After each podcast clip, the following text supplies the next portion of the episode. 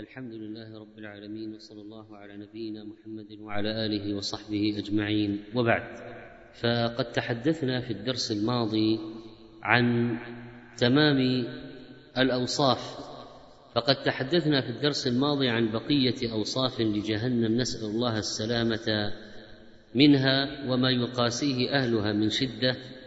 وبعض أهل النار بأعيانهم كإبليس وفرعون وامرأة نوح وامرأة لوط وآزر أبي إبراهيم وعمرو بن لحي الخزاعي وقارون وهامان وأبي بن خلف والوليد بن المغيرة وأبي لهب وزوجته أم جميل وأبي طالب عم النبي صلى الله عليه وسلم وكذلك تحدثنا عن عدد من أهل الكبائر الذين يدخلون النار كالتي حبست الهرة وسارق الحجيج وسارق بدنتي رسول الله صلى الله عليه وسلم وكركره غال للعباءه من الغنيمة قبل القسمة.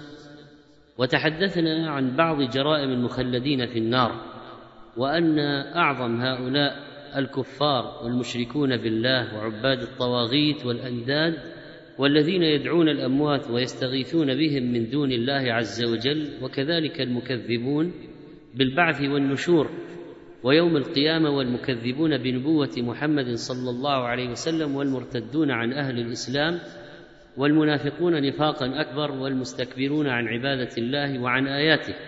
وقلنا إن الكفار لن تنفعهم الأعمال الصالحة عند الله عز وجل ولن تنجيهم من الخلود في النار. وقلنا بأن الأعمال الصالحة لن تنفع عامليها من الكفار ولن تخرجهم. وقلنا بأن الكفار الذين لديهم أعمال بر وخير لن تمنعهم أعمالهم عن دخول النار بل سيخلدون فيها ولكن الله سبحانه وتعالى بعدله يجازيهم عليها في الدنيا وقد يخفف عنهم يوم القيامة بها لكن لا يخرجون من جهنم. تحدثنا عن حال الموحدين من أهل الكبائر في النار وأول من يدخل النار منهم أهل الرياء وكذلك تحدثنا عن سؤال أهل الجنة عن إخوانهم من أهل الكبائر وانتفاعهم بدعائهم وهم في النار وعن الدعاة إلى النار ومنهم إبليس والأئمة المضلون والرؤساء المنافقون والعلماء المضلون والوجهاء الجهلاء والقادة السفهاء والفساق الداعين إلى الفسق والمجون. تحدثنا عن بعض الأعمال الصالحة التي تعمل للوقاية من النار وأن جميع المعاصي والذنوب يجب اتقاؤها وأن أعظم الحسنات التي تنجي من النار تحقيق التوحيد. ولذلك يجب اجتناب الشرك بأنواعه والكبائر والصغائر ومما يدخل النار السبع الموبقات محقرات الذنوب ونحو ذلك.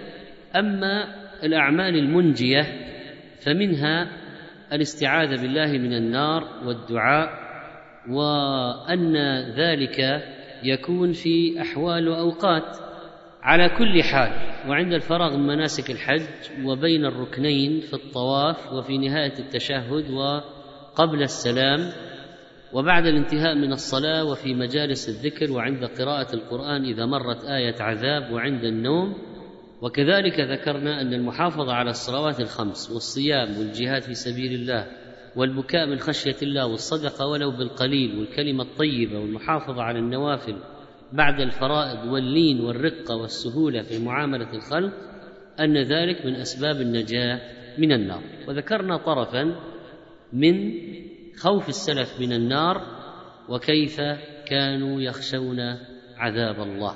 إذا ما الليل أظلم كابدوه فيسفر عنهم وهم ركوع.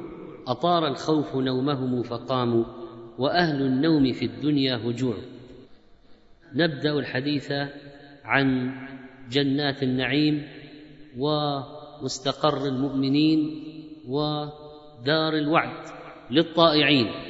يشتاقون إليها في الدنيا وقد تاقت نفوسهم بعدما سمعوا عن عذاب الله فهم يريدون رحمة الله. فحي على جنات عدن فإنها منازلنا الأولى وفيها المخيم. ولكننا سبي العدو فهل ترى نعود إلى أوطاننا ونسلم؟ وحي على روضاتها وخيامها وحي على عيش بها ليس يسأم.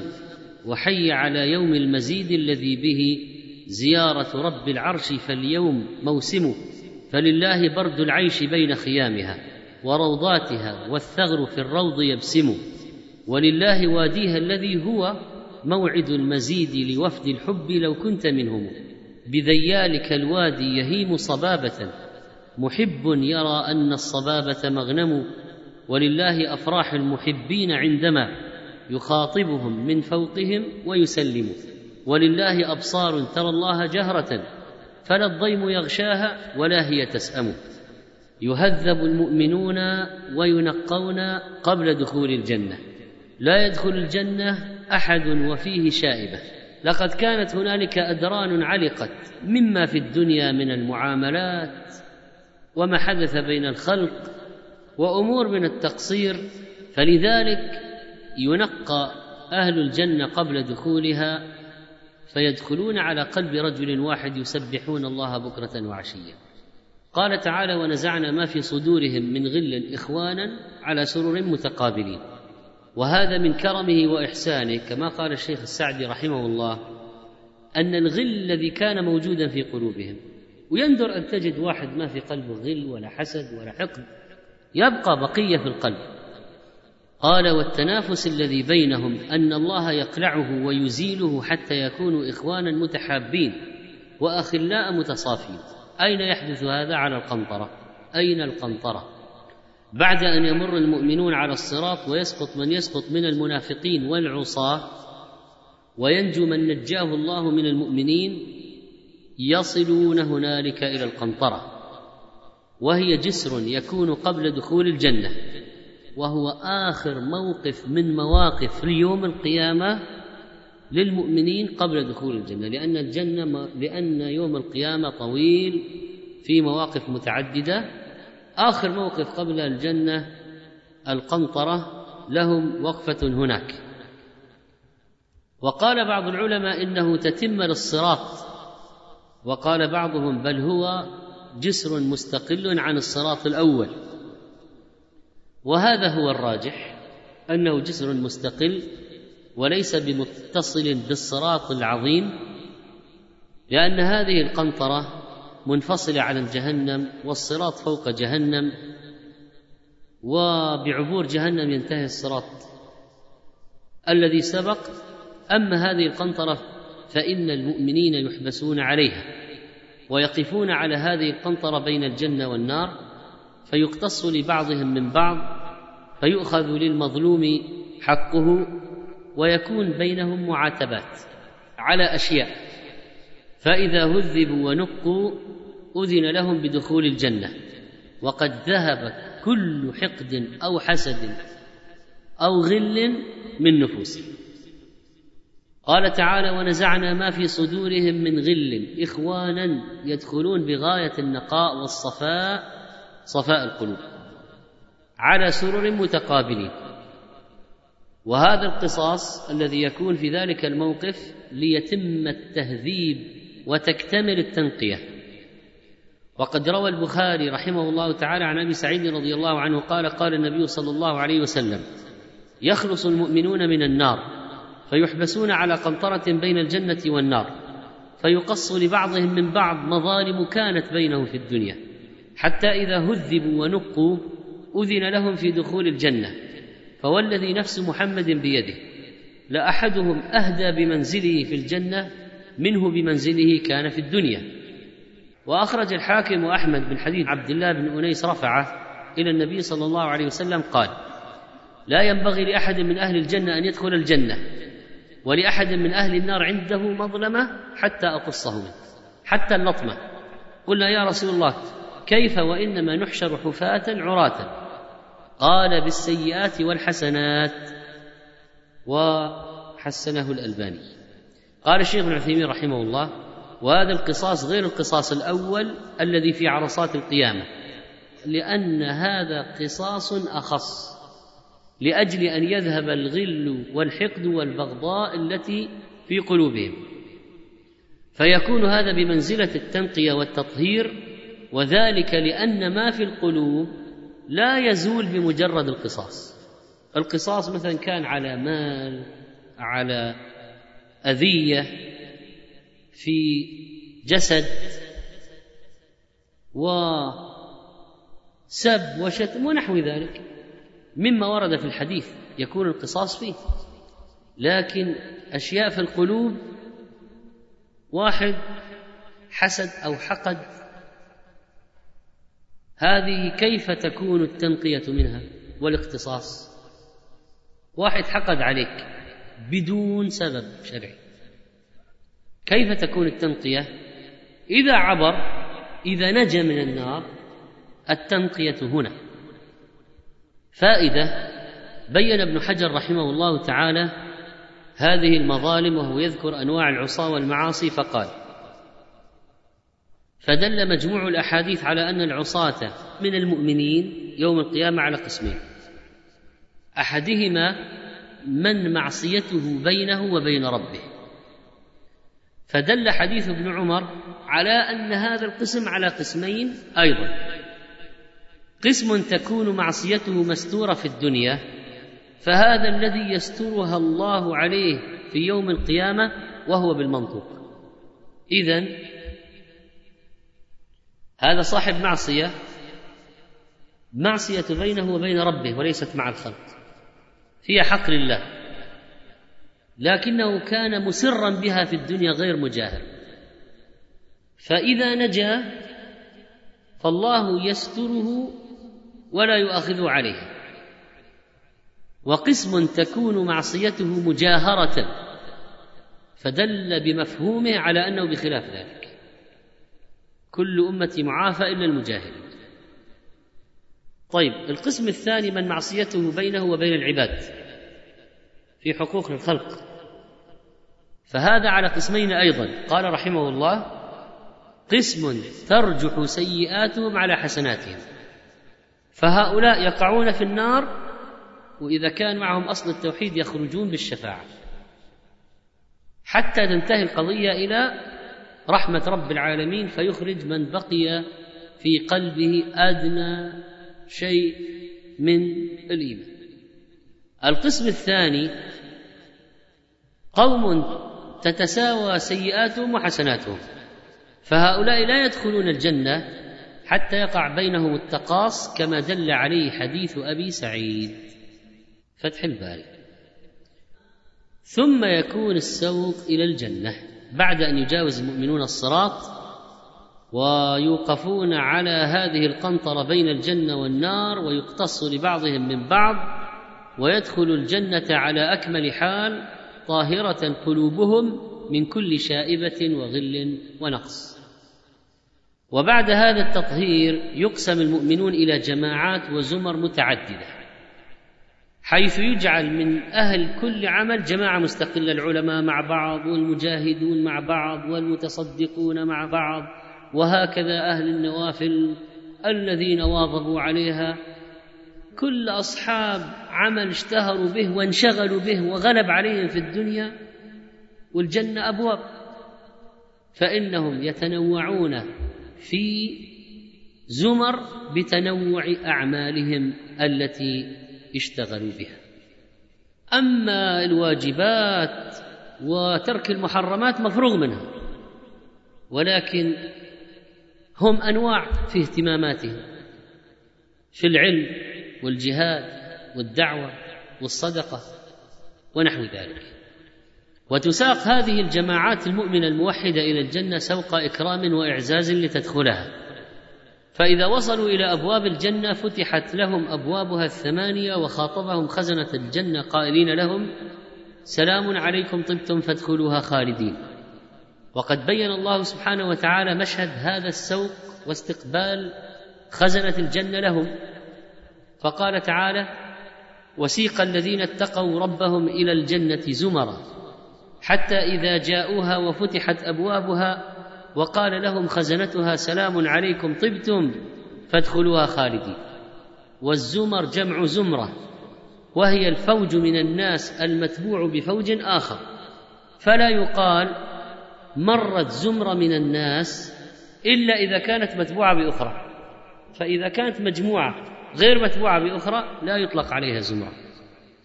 قال ابن كثير رحمه الله زمرا جماعة بعد جماعة المقربون ثم الأبرار ثم الذين يلونهم ثم الذين يلونهم كل طائفة مع من يناسبهم الأنبياء والصديقون مع أشكالهم والشهداء مع أضرابهم والعلماء مع أقرانهم وكل صنف مع صنف كل زمرة تناسب بعضها بعضا.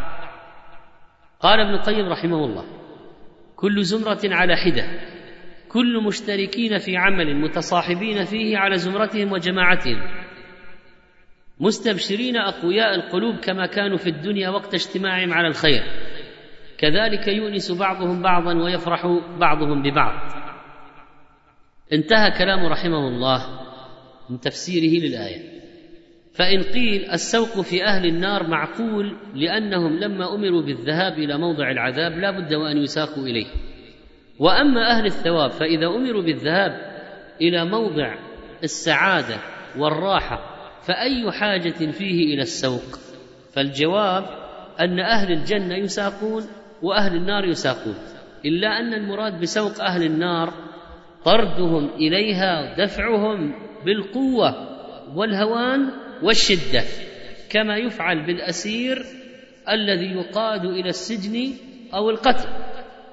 أما سوق أهل الجنة فهو سوق إكرام يذهبون راكبين يسرع بهم إلى دار الكرامة والرضوان كما يفعل بالوافدين الذين يتلقون إلى الملوك فيساقون إليهم في موكب.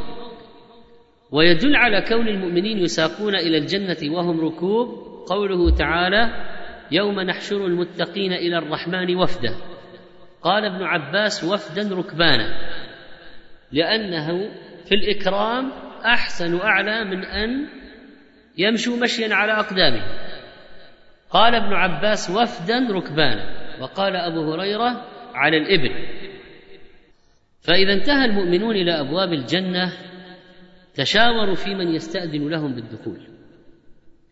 فيقصدون آدم ثم نوحا ثم إبراهيم ثم موسى ثم عيسى ثم محمدا صلى الله عليه وسلم كما فعلوا في العرصة في موقف المحشر عند استشفاعهم إلى الله عز وجل أن يأتي لفصل القضاء فإن قيل لما لما صار الاستشفاع مرتين وقد عرف فضله عليه الصلاة والسلام في الأولى فيقال ليزداد فضلا ليزداد شرفا ليرتفع منزلة بين المؤمنين خاصة بعد أن ظهرت منزلته بين الخلائق عامة.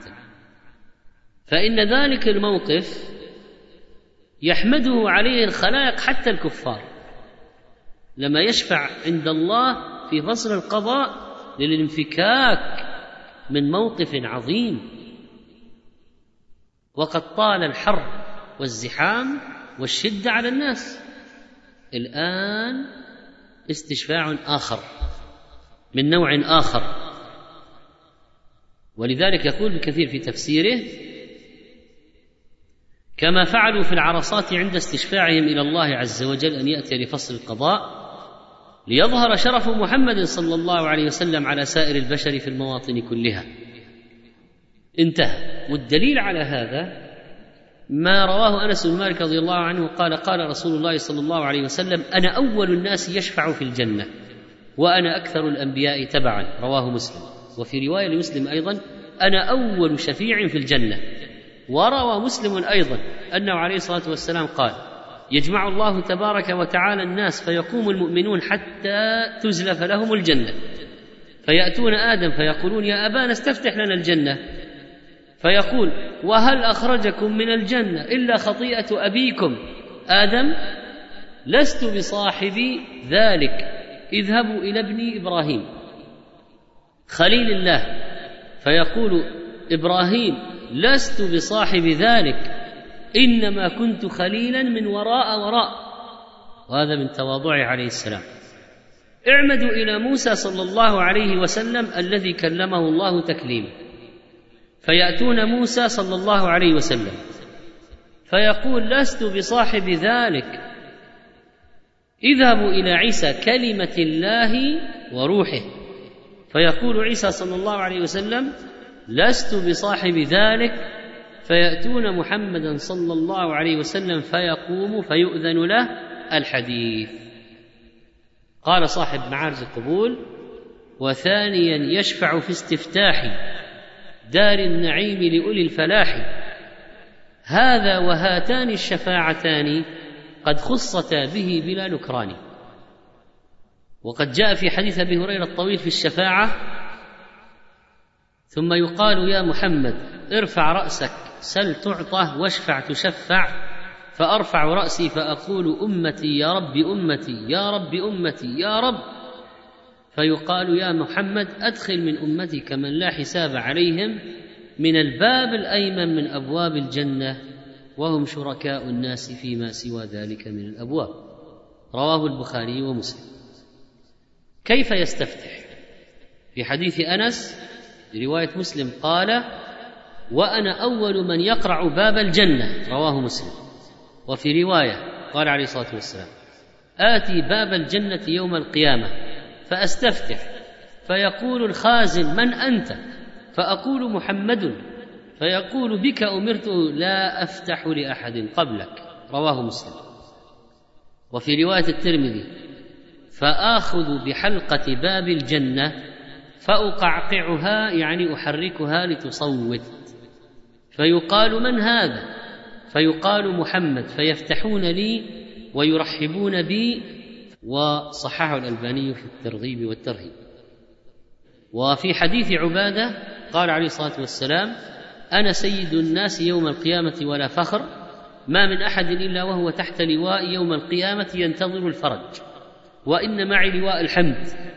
أنا أمشي ويمشي الناس معي حتى آتي باب الجنة فأستفتح فيقال من هذا فأقول محمد فيقال مرحبا بمحمد فإذا رأيت ربي خررت له ساجدا أنظر إليه. رواه الحاكم وقال صحيح على شرط الشيخين ولم يخرجا ووافقه الذهبي. مسائل في أبواب الجنة. اولا يدخل منها المؤمنون كما يدخل منها الملائكة المقربون. قال تعالى جنات عدن يدخلونها ومن صلح من آبائهم وأزواجهم وذرياتهم والملائكة. يدخلون عليهم من كل باب سلام عليكم بما صبرتم فنعم عقبى الدار. ثانيا الأبواب تفتح للمؤمنين. عندما يصلون إليها وتستقبلهم الملائكة مرحبة بهم بالسلام ومهنئه لهم على سلامة وصولهم قال تعالى وسيق الذين اتقوا ربهم إلى الجنة زمرا حتى إذا جاءوها وفتحت أبوابها وقال لهم خزنتها سلام عليكم طبتم فادخلوها خالدين. وقال تعالى جنات عدن مفتحة لهم الأبواب. ثالثا عدد أبواب الجنة ثمانية. وجاء في الوحي ذكر أسماء خمس منها كما في الصحيحين عن سهل بن سعد رضي الله عنه أن رسول الله صلى الله عليه وسلم قال في الجنة ثمانية أبواب فيها باب يسمى الريان لا يدخله إلا الصائمون. رواه البخاري ومسلم. الثمانية هل المقصود بها العدد تحديدا أو أن الأبواب الرئيسة ثمانية؟ جاء في حديث أبي هريرة قال رسول الله صلى الله عليه وسلم لكل أهل عمل باب من أبواب الجنة يدعون بذلك العمل. رواه أحمد وصحح إسناده الحافظ بن حجر رحمه الله كما في الفتح. وجاءت رواية لحديث عمر بن الخطاب ذكرها ابن عبد البر في التمهيد فتح له من أبواب الجنة ثمانية. واستدل بهذا القرطبي وابن عبد البر وغيرهما على ذلك يعني أن أبواب الجنة كثيرة لكن فيها ثمانية رئيسة. وأن عدد الأبواب بعدد الأعمال. وقال القرطبي وهو يدل على أن أبواب الجنة أكثر من ثمانية. قال ابن حجر رحمه الله ويحتمل أن يكون بالأبواب التي يدعى منها أبواب من داخل أبواب الجنة الأصلية. لأن الأعمال الصالحة أكثر عددا من ثمانية. الفتح. اذا يرى ابن حجر رحمه الله أن هنالك ثمانية خارجية هي الأساسية. فإذا دخلوا هنالك أبواب أخرى كثيرة بعدد الأعمال. قال ابن القيم رحمه الله أبوابها حقا ثمانية أتت في النص وهي لصاحب الإحسان. باب الجهاد وذاك أعلاها. وباب الصوم يدعى الباب بالريان.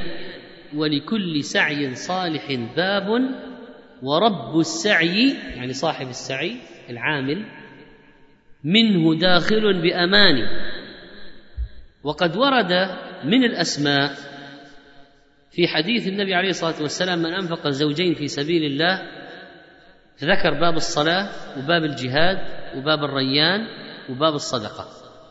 فهذه أربعة مذكورة أسماؤها. وذلك أنه عليه الصلاة والسلام قال من أنفق زوجين في سبيل الله ما معنى زوجين؟ أي شيئين من صنف واحد درهمين ركعتين صام يومين. نودي من أبواب الجنة يا عبد الله هذا خير فمن كان من أهل الصلاة يعني غالب عمله نوافل الصلوات بعد الفرائض هذه منتهية. دعي من باب الصلاة ومن كان من أهل الجهاد مشتغل أكثر عمره بالجهاد. دعي من باب الجهاد. ومن كان من أهل الصيام صيام يوم إفطار يوم الاثنين والخميس وأيام البيض ويصوم محرم وأكثر شعبان يصوم عرفة وعاشوراء ومجتهد في الصيام. دعي من باب الريان. الريان في المعنى ضد العطشان. ومن كان من أهل الصدقة دعي من باب الصدقة. فقال أبو بكر رضي الله عنه بأبي أنت وأمي يا رسول الله ما على من دعي من تلك الأبواب من ضرورة فهل يدعى أحد من تلك الأبواب كلها؟ قال نعم وأرجو أن تكون منهم. رواه البخاري ومسلم. قال ابن عبد البر رحمه الله وأما قول من أنفق زوجين معناه عند أهل العلم من أنفق شيئين من نوع واحد نحو درهمين أو دينارين أو فرسين أو قميصين وكذلك من صلى ركعتين أو صام يومين ونحو ذلك كله وإنما أراد والله أعلم أقل التكرار وأقل وجوه المداومة على العمل من أعمال البر لأن الاثنين أقل الجمع. وقال رحمه الله في هذا الحديث من المعاني الحض على الإنفاق في سبيل الله وسبل الله كثيرة تقتضي سائر أعمال البر وفيه دليل على أن أعمال البر لا تفتح في جميعها لكل إنسان في الأغلب وأنه إنما فتح فيها كلها لقليل من الناس. وأبو بكر الصديق من ذلك القليل إن شاء الله.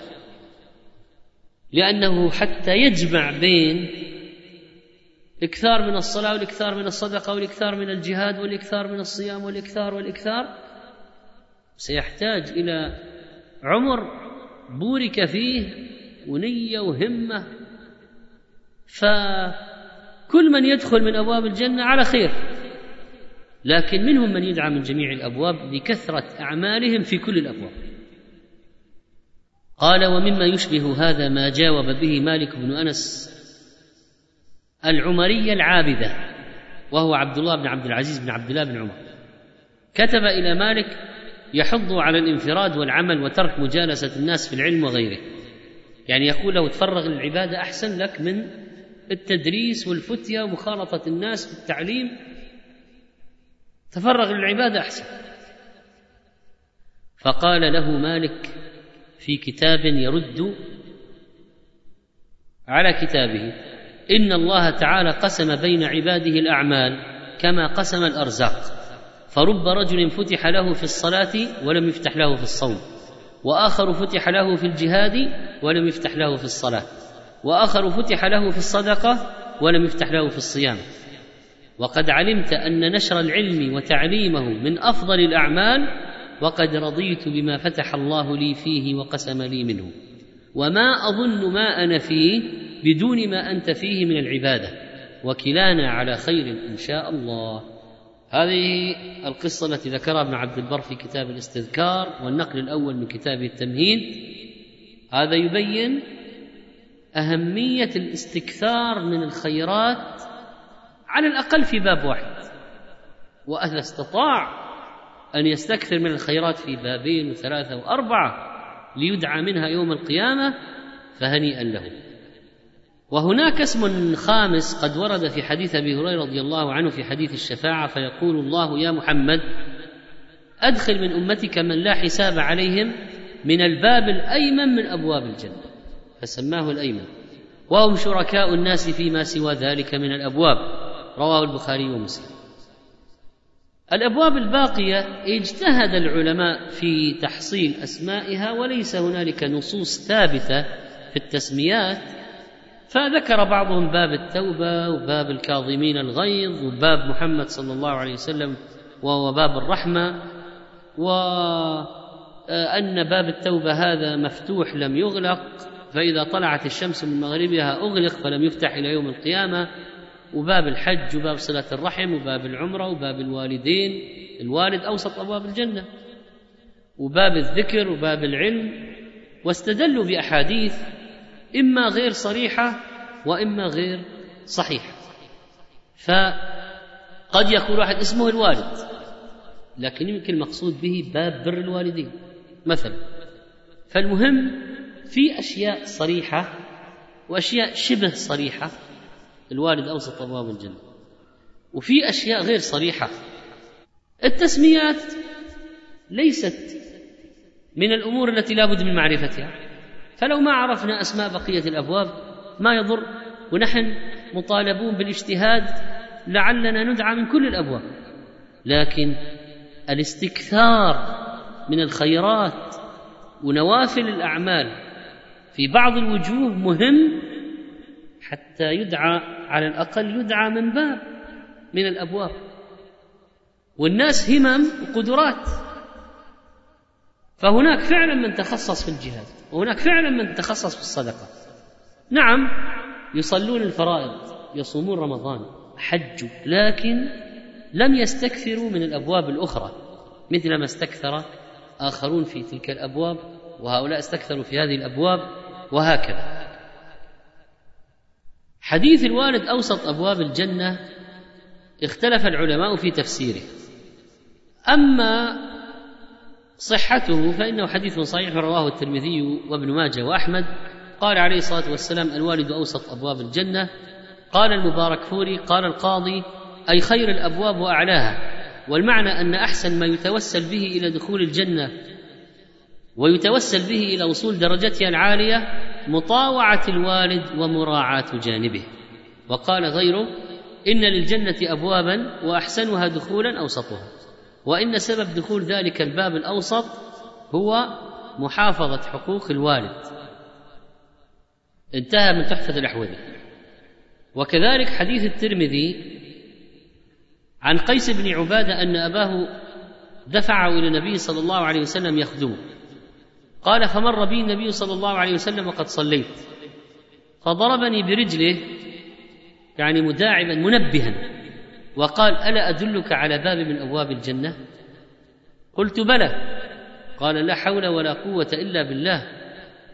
ما معناه يعني ملازمة هذه العبارة لا حول ولا قوة إلا بالله طريق موصل لدخول الجنة. وليس صريحا أن هنالك باب في الجنة اسمه باب لا حول ولا قوة إلا بالله. هذه بالنسبة لأحاديث غير صريحة.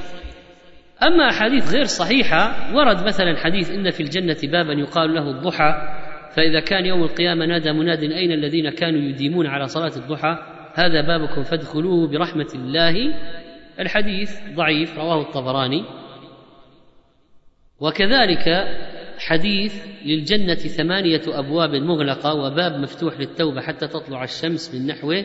رواه أحمد والطبراني والحديث مختلف في صحته فصححه بعض أهل العلم كالمنذر والهيثمي وضعفه آخرون. وكذلك حديث إن لله بابا في الجنة لا يدخله إلا من عفى عن مظلمة أيضا حديث مرسل ضعيف. طبعا هذا لا ينفي أنه يوجد باب لهذا لكن ما ثبت. فنحن في الوقت الذي ما نثبت فيه لكن ما ننفي أيضا قد يكون صحيحا لكن لا نستطيع أن نثبت ذلك إلا بدليل صحيح. فقد يوجد باب للعفو وباب لصلاة الضحى ممكن لكن لا نستطيع أن نثبت ذلك إلا بدليل صحيح. رابعا الذين يدخلون من جميع الأبواب ويحق لهم ذلك من أي باب شاءوا يدل عليه حديث أبي بكر المتقدم بأبي أنت وأمي يا رسول الله ما على من دعي من تلك الأبواب من ضرورة؟ فهل يدعى أحد من تلك الأبواب كلها؟ ما معنى كلمة ضرورة؟ يعني مضرة.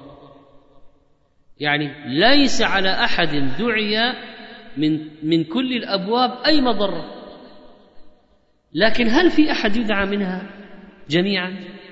فأجابه النبي صلى الله عليه وسلم قال نعم وأرجو أن تكون منهم.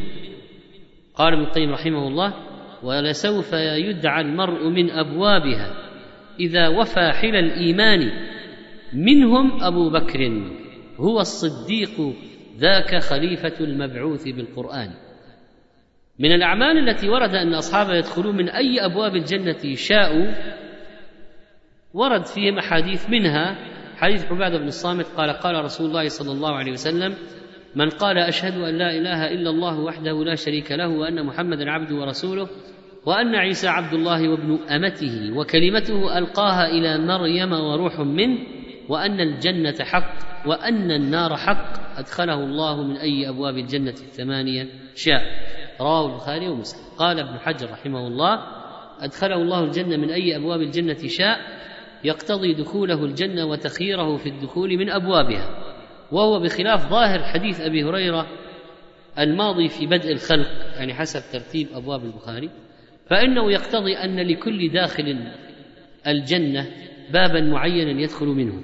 قال ويجمع بينهما بأنه في الأصل مخير لكنه يرى أن الذي يختص به أفضل في حقه فيختاره فيدخل مختارا لا مجبورا ولا ممنوعا من الدخول من غيره.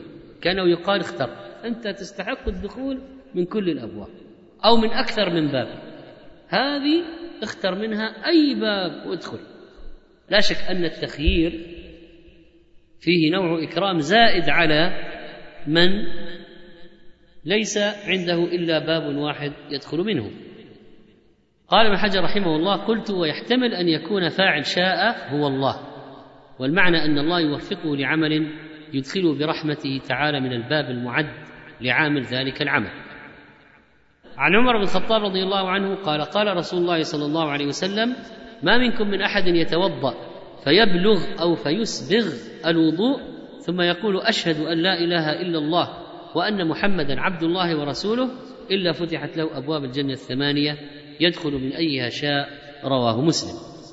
كذلك الصبر والاحتساب لفقد الولد كما جاء في حديث شرحبيل بن شفعة قال لقيني عتبة بن عبد السلمي فقال سمعت رسول الله صلى الله عليه وسلم يقول ما من مسلم يموت له ثلاثة من الولد لم يبلغوا الحنث إلا تلقوه من أبواب الجنة الثمانية من أيها شاء دخل. رواه ابن ماجه وصححه الألباني.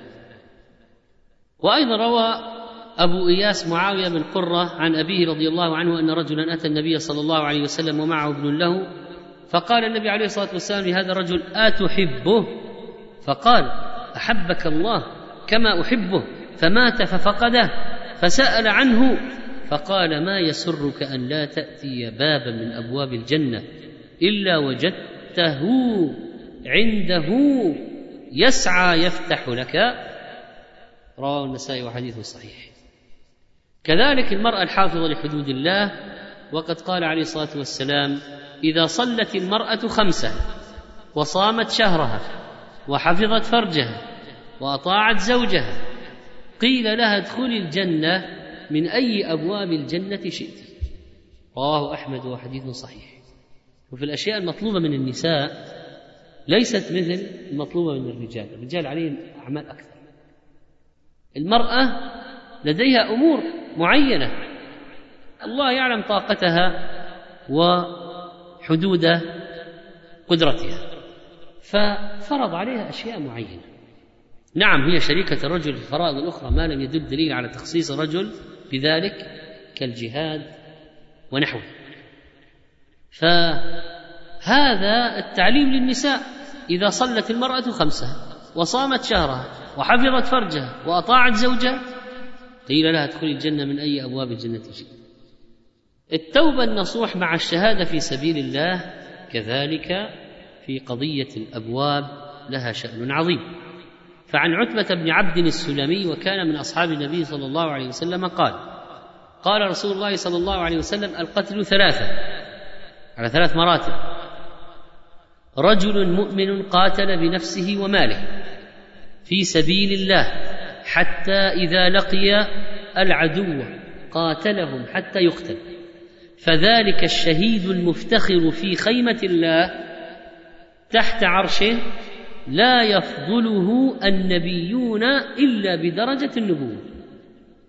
ورجل مؤمن قرف على نفسه من الذنوب والخطايا وارتكب. جاهد بنفسه وماله في سبيل الله حتى إذا لقي العدو قاتل حتى يقتل.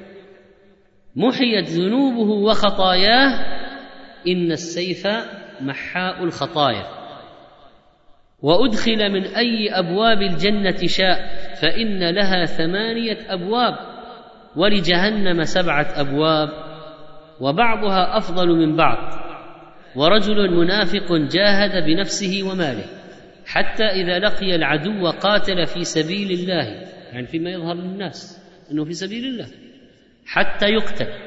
فإن ذلك في النار. السيف لا يمحو النفاق. رواه أحمد قال المنذر في الترغيب بإسناد جيد وحسنه الألباني. أما الصلوات الخمس واجتناب الكبائر فقد ورد فيها حديث مختلف في صحته. قال عليه الصلاة والسلام والذي نفسي بيده ثلاث مرات فأكب كل رجل منا يبكي لا ندري على ماذا حلف ثم رفع رأسه في وجهه البشرى فكانت أحب إلينا من حمر النعم. ثم قال ما من عبد يصلي الصلوات الخمس ويصوم رمضان ويخرج الزكاة ويجتنب الكبائر السبع إلا فتحت له أبواب الجنة فقيل له ادخل بسلام. رواه النسائي والحاكم وصححه ووافقه الذهبي وهو في ضعيف الجامع سادسا أوقات تفتح فيها أبواب الجنان.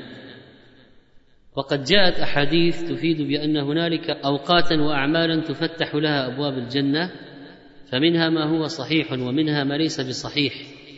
فمما صح في أوقات تفتح فيها أبواب الجنة شهر رمضان. قال عليه الصلاة والسلام إذا دخل رمضان فتحت أبواب الجنة وغلقت أبواب جهنم وسلسلة الشياطين رواه البخاري ومسلم. كذلك في كل اثنين وخميس. روى مسلم عن أبي هريرة أن رسول الله صلى الله عليه وسلم قال تفتح أبواب الجنة يوم الاثنين ويوم الخميس فيغفر لكل عبد لا يشرك بالله شيئا إلا رجلا كانت بينه وبين أخيه شحناء فيقال انظروا هذين حتى يصطلحا انظروا هذين حتى يصطلحا انظروا هذين حتى يصطلحا ثالثا إذا أقيمت الصلاة واصطف الناس للصلاة أو اصطفوا للقتال في سبيل الله. فعن مجاهد عن الصحابي الجليل يزيد بن شجرة رضي الله عنه أنه كان يقول إذا صف الناس للصلاة وصفوا للقتال فتحت أبواب السماء وأبواب الجنة وغلقت أبواب النار وزين الحور العين واطلعنا فإذا أقبل الرجل قلنا اللهم انصره. وإذا أدبر يعني فر وانهزم احتجبنا منه وقلنا اللهم اغفر له. رواه الطبراني والحاكم وغيرهم وصححه المنذري وقال مثل هذا لا يقال بالرأي يعني لابد أن يكون عند الصحابي فيه شيء من النبي عليه الصلاة والسلام وكذلك صححه الألباني في صحيح الترغيب. نرجع إلى مواضيع الأبواب سابعا سعة هذه الأبواب. بين عليه الصلاة والسلام سعة أبواب الجنة بحيث يدخل منها العدد الهائل.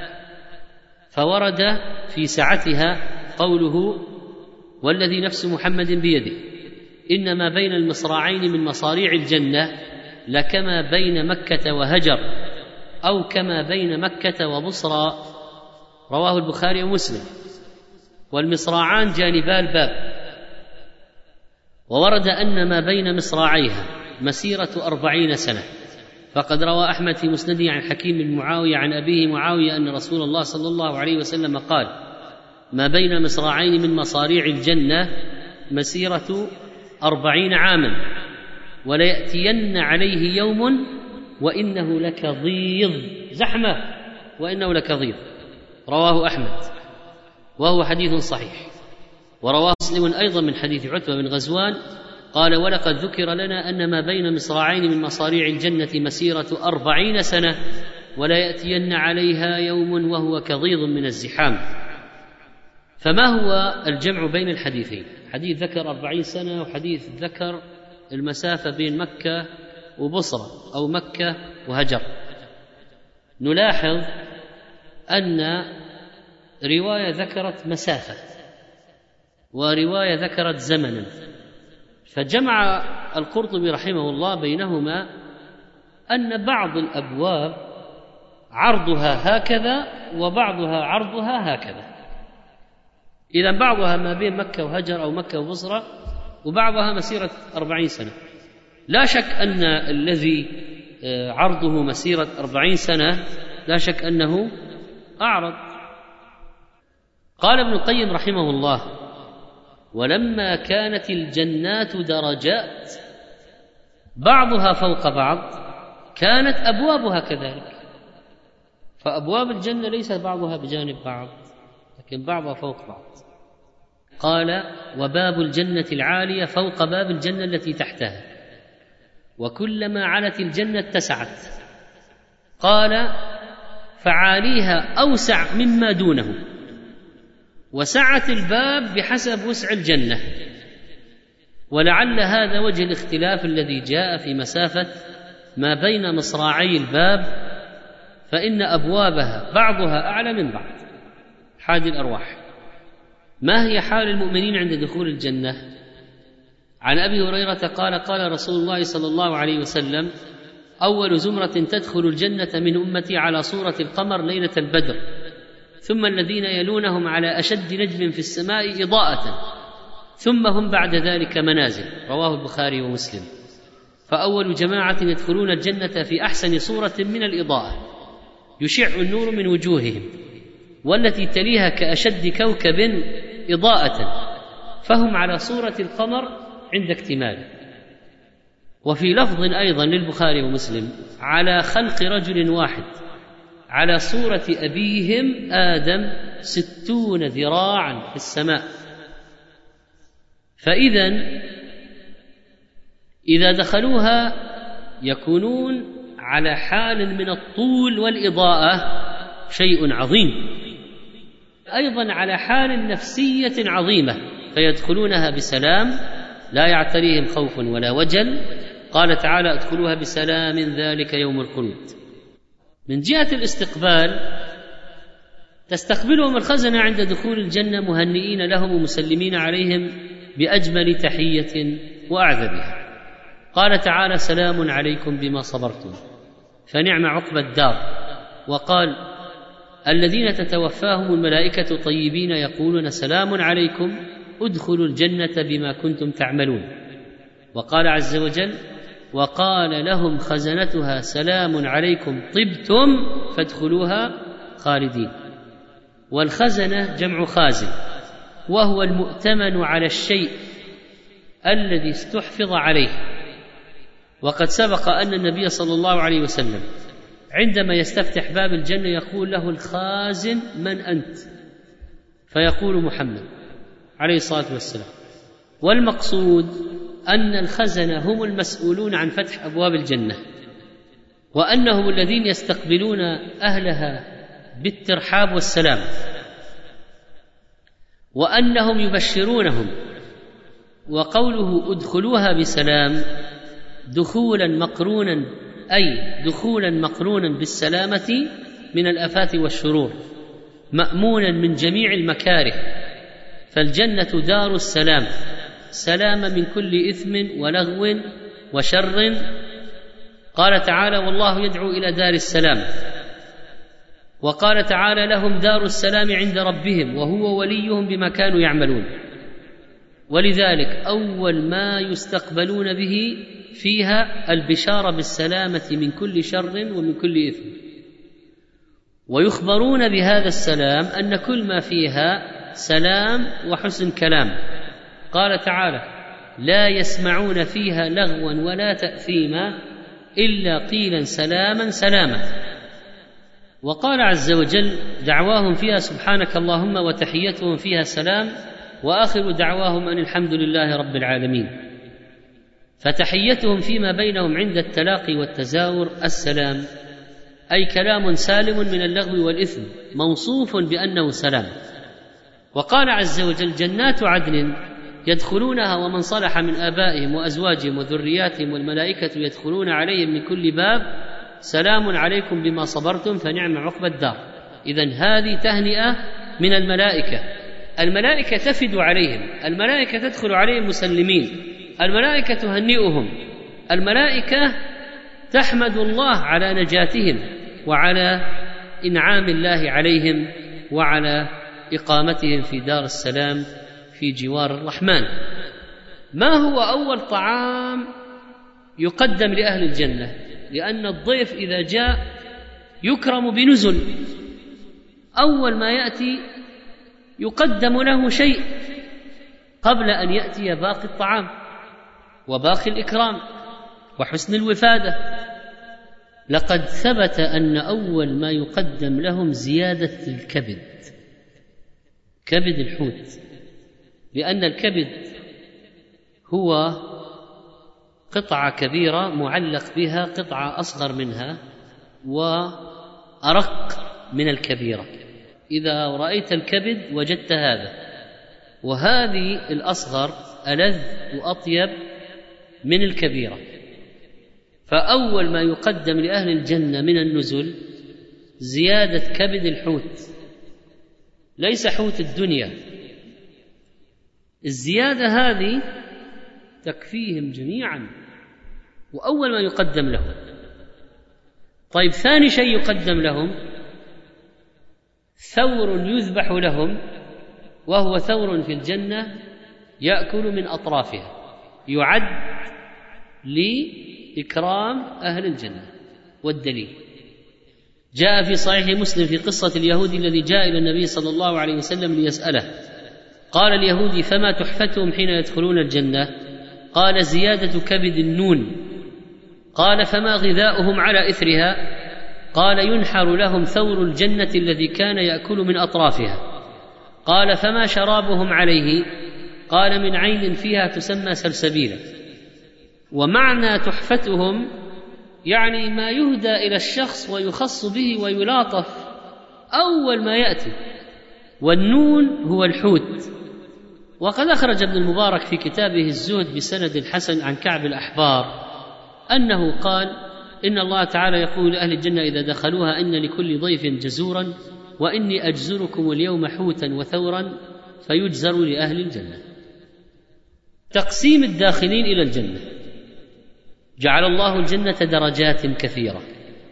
وفاوت بين أهلها في أماكنهم ومنازلهم ودرجاتهم ونعيمهم على تفاوت اعمالهم وهذا من فضله العظيم.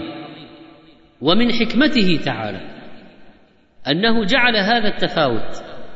فمنهم من يكون أول من يدخل الجنة ومنهم من يدخل بلا حساب ولا عذاب ومنهم من يدخل على صفة معينة وآخرون على صفة أخرى. وهذا من باب وهذا من باب آخر. قال عليه الصلاة والسلام أنا أكثر الأنبياء تبعا يوم القيامة وأنا أول من يقرع باب الجنة. رواه مسلم. وقال عليه الصلاة والسلام إني لأول الناس تنشق الأرض عن جمجمتي يوم القيامة ولا فخر. وأعطى لواء الحمد ولا فخر. وأنا سيد الناس يوم القيامة ولا فخر. يعني لا أقول افتخارا وتكبرا. هذه حقيقة ونعمة من الله أقولها. وأنا أول من يدخل الجنة يوم القيامة ولا فخر. وإني آتي باب الجنة فأخذ بحلقتها فيقولون من هذا؟ فيقول أنا محمد فيفتحون لي فأدخل فإذا الجبار عز وجل مستقبلي فأسجد له. هذا السياق الذي رواه أحمد رحمه الله قد روى الشيخان بعضه وفي إسناد أحمد عمرو بن أبي عمرو مولى المطلب ولعل حديثه لا ينزل عن رتبة الحسن. من هي أول أمة تدخل الجنة؟ قال عليه الصلاة والسلام نحن الآخرون الأولون يوم القيامة. ونحن أول من يدخل الجنة. ولما قال اليهود والنصارى نحن أول من يدخل الجنة بل تمادوا وقالوا لن يدخل الجنة إلا من كان هودا أو نصارى كذبهم الله وقال تلك أمانيهم قل هاتوا برهانكم إن كنتم صادقين. ولو اجتمعوا بقضهم وقضيضهم على أن يأتوا بدليل واحد فلن يستطيعوا. وقال عليه الصلاة والسلام في الحديث هذا بيد أنهم أوتوا الكتاب من قبلنا وأوتيناه من بعدهم فاختلفوا فهدانا الله لما اختلفوا فيه من الحق فهذا يومهم الذي اختلفوا فيه هدانا الله له. قال يوم الجمعة فاليوم لنا يعني لاحظ ترتيب أيام الأسبوع يعني الجمعة قال وغدا لليهود يعني السبت وبعد غد للنصارى يعني الاحد واستدل بهذا بعض العلماء على أن الجمعة هي أول أيام الأسبوع أن تبدأ الجمعة سبت أحد اثنين وآخرها الخميس. على اية حال في ترتيب الأيام نلاحظ أننا قبلهم. في يوم العبادة فيوم عبادتنا الذي يتميز بتلك الصلاة. ولا كل الأيام عبادة لكن هذا مخصوص بعبادة معينة ليست موجودة بقية الأيام. لكل أهل دين وملة يوم في الأسبوع يعظمونه وفي عبادة تميزه عن غير من أيام الأسبوع. فلاحظ قدر الله كيف أنهم بعدنا مع أنهم قبلنا في الزمن. وكذلك يوم القيامة أول من يدخل الجنة أمة محمد صلى الله عليه وسلم. فنحن وإن كنا الآخرين زمنا في الوجود فإن هذه الأمة هي السابقة فضلا ودخولا الجنة فتدخل قبل سائر الأمم. ومن أوائل أمة محمد صلى الله عليه وسلم زمرة عددهم سبعون ألفا يدخلون الجنة من غير حساب ولا عذاب. بشر النبي صلى الله عليه وسلم أمته المتبعة لشرعه بالجزاء العظيم في الدنيا والآخرة ومن ذلك البشارة لقوم من أمة محمد صلى الله عليه وسلم بدخول الجنة بغير حساب ولا عذاب. فعن ابن عباس رضي الله عنه قال قال رسول الله صلى الله عليه وسلم عرضت علي الأمم فجعل النبي والنبيان يمرون معهم الرهط والنبي ليس معه أحد حتى رفع لي سواد عظيم. قلت ما هذا؟ أمتي هذه؟ قيل بل هذا موسى وقومه. قيل انظر إلى الأفق فإذا سواد يملأ الأفق. ثم قيل لي انظر ها هنا وها هنا في آفاق السماء فإذا سواد قد ملأ الأفق. قيل هذه أمتك. ويدخل الجنة من هؤلاء سبعون ألفا بغير حساب. ثم دخل ولم يبين لهم. يعني النبي عليه الصلاة والسلام دخل بيته ما بين من هم هؤلاء؟ وما هي صفات السبعين ألفا هؤلاء؟ فأفاض القوم. الصحابة اجتهدوا كل واحد يقول رأيا في صفة هؤلاء السبعين ألف. قالوا نحن الذين آمنا بالله واتبعنا رسوله فنحن هم. أو أولادنا الذين ولدوا في الإسلام فانا ولدنا في الجاهلية. فبلغ النبي صلى الله عليه وسلم فخرج. فقال هم الذين لا يسترقون من عظم توكلهم على الله لا يطلبون من أحد رقية.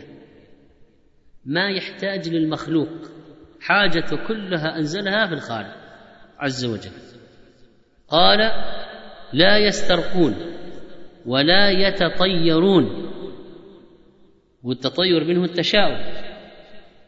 قال ولا يكتوون وعلى ربهم يتوكلون. فقال عكاشة بن محصن أمنهم أنا يا رسول الله؟ قال نعم. فقام آخر فقال أمنهم أنا؟ قال سبقك بها عكاشة. رواه البخاري ومسلم وهذا لفظ البخاري.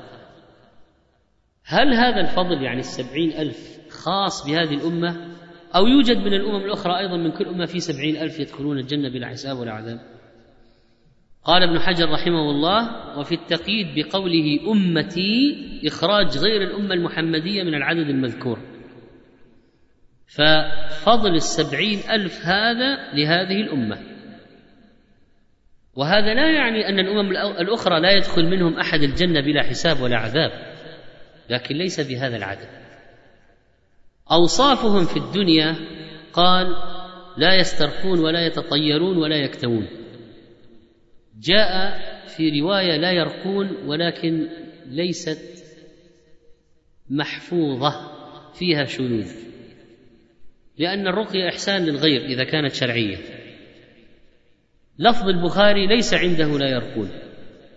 قال ابن تيمية وهو الصواب وهذه اللفظة وقعت مقحمة في الحديث وهي غلط من بعض الرواة فإن النبي صلى الله عليه وسلم جعل الوصف الذي يستحق به هؤلاء دخول الجنة بغير حساب هو تحقيق التوحيد وتجريده. فلا يسألون غيرهم أن يرقيهم ولا يتطيرون وعلى ربهم يتوكلون والطيرة نوع من الشرك ويتوكلون على الله وحده لا على غيره. وتركهم الاسترقاء والتطير هو من تمام التوكل على الله كما في الحديث الطيرة شرك. قال ابن مسعود وما منا إلا من تطير ولكن الله يذيب بالتوكل. قال ابن القيم فالتوكل ينافي التطير.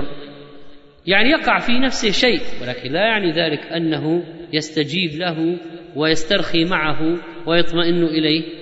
لا يقع في نفسه شيء من التشاؤم. يقع في نفوس بعض الناس أشياء من التشاؤم. قد يقع في نفسه شيء من التشاؤم لحادثة لكن إذا كان متوكلا على الله يذهبه الله يعني يذهب هذا التشاؤم. فقد يعني يحدث قدرا أن بعض الناس مثلا آه، يعمل حادثا بسيارة من نوع كذا. فيشتري سيارة أخرى من نفس النوع فيعمل فيها حادث. فيقول له هذا النوع مشؤوم أنا عليه هذا مشؤوم خلاص. لازم أروح نوع ثاني. لا ما هو قد يروح نوع ثاني يصير حادث أسوأ وقد يموت فيه. فإذا يقع في نفوس بعض الناس تشاؤم ولكن الله يذهب بالتوكل إذا صدقوا في التوكل على الله. قال وأما رقية العين فهي إحسان من الراقي. وقد رقى رسول الله صلى الله عليه وسلم جبريل وأذن عليه الصلاة والسلام في الرقى وقال لا بأس بها ما لم يكن فيها شرك. واستأذنوه فيها فقال من استطاع منكم أن ينفع أخاه فلينفعه. وهذا يدل على أنه نفع وإحسان. كونك ترقي أخاك المسلم هذا إحسان إليه وهذا باب أجر. فالراقي محسن والمسترقي سائل. يأتي سائل يطلب من غيره يقول للمخلوق أرقني. أقرأ عني ارجوك هذا الاحتياج للمخلوق ليس من كمال التوكل على الله. نعم هو مباح أن يطلب من شخص أن يرقيه وليس بحرام إذا كانت رقية شرعية. لكن ليس من تمام التوكل على الله عز وجل. فالأولى أن لا يفعل لكن لو واحد جاءه راق من غير طلب فرقه أو واحد احتاج الرقية فسأل لكن عنده حسنات أخرى تعوض هذا النقص. وقد سألت شيخنا عبد العزيز بن عبد الله باز رحمه الله هل الذي يسترقي يعني ولو مرة واحدة رقية شرعية يخرج من السبعين ألف؟ قال لا. فقد يكون معه من الحسنات ما يجعله من السبعين ألف وزيادة كما بين رحمه الله. لكن ما هو الأفضل؟ ما هو الأحسن؟ أن الإنسان يرقي نفسه ولا يطلب من غيره. ويدعو ربه ولا يحتاج لمخلوق. فإن قيل الذهاب إلى الطبيب فيقال الطبيب تعطيه أجرة فليس له منة عليك. يستأجر للعلاج. ومع ذلك إذا اعتقد أن الطبيب بيده شفاء هذه مصيبة لأن الشفاء ليس إلا بيد الله عز وجل هو الشافي لا شافي إلا هو. قال ابن القيم رحمه الله فالراقي محسن والمسترقي سائل راج نفع الغير والتوكل ينافي ذلك فإن قيل فعائشة قد رقت النبي صلى الله عليه وسلم وجبريل قد رقاه قيل أجل ولكنه هو لم يسترقي. صارت الرقية من دون سؤال. وهو صلى الله عليه وسلم لم يقل ولا يرقيهم راق وإنما قال لا يطلبون من أحد أن يرقيهم. وفي امتناعه أن يدعو للرجل سد لباب الطلب فإنه لو دعا لكل من سأله ذلك فربما طلبه من ليس من أهله. يعني هذا تعليق على من قال أنا منهم اللي بعد عكاشة. قال النووي رحمه الله والظاهر من معنى الحديث ما اختاره الخطابي ومن وافقه كما تقدم وحاصل أن هؤلاء كمل تفويضهم إلى الله عز وجل ولا شك في فضيلة هذه الحالة ورجحان صاحبها. وأما تطبب النبي صلى الله عليه وسلم ففعله ليبين لنا الجواز والله أعلم. وسنستكمل بمشيئة الله تعالى أوصاف أهل الجنة وتفصيل نعيم الجنة. نسأل الله أن يجعلنا من أهلها وأن يدخلناها بمنه وكرمه. وأن يدخلنا برحمته في القوم الصالحين صلى الله على نبينا محمد.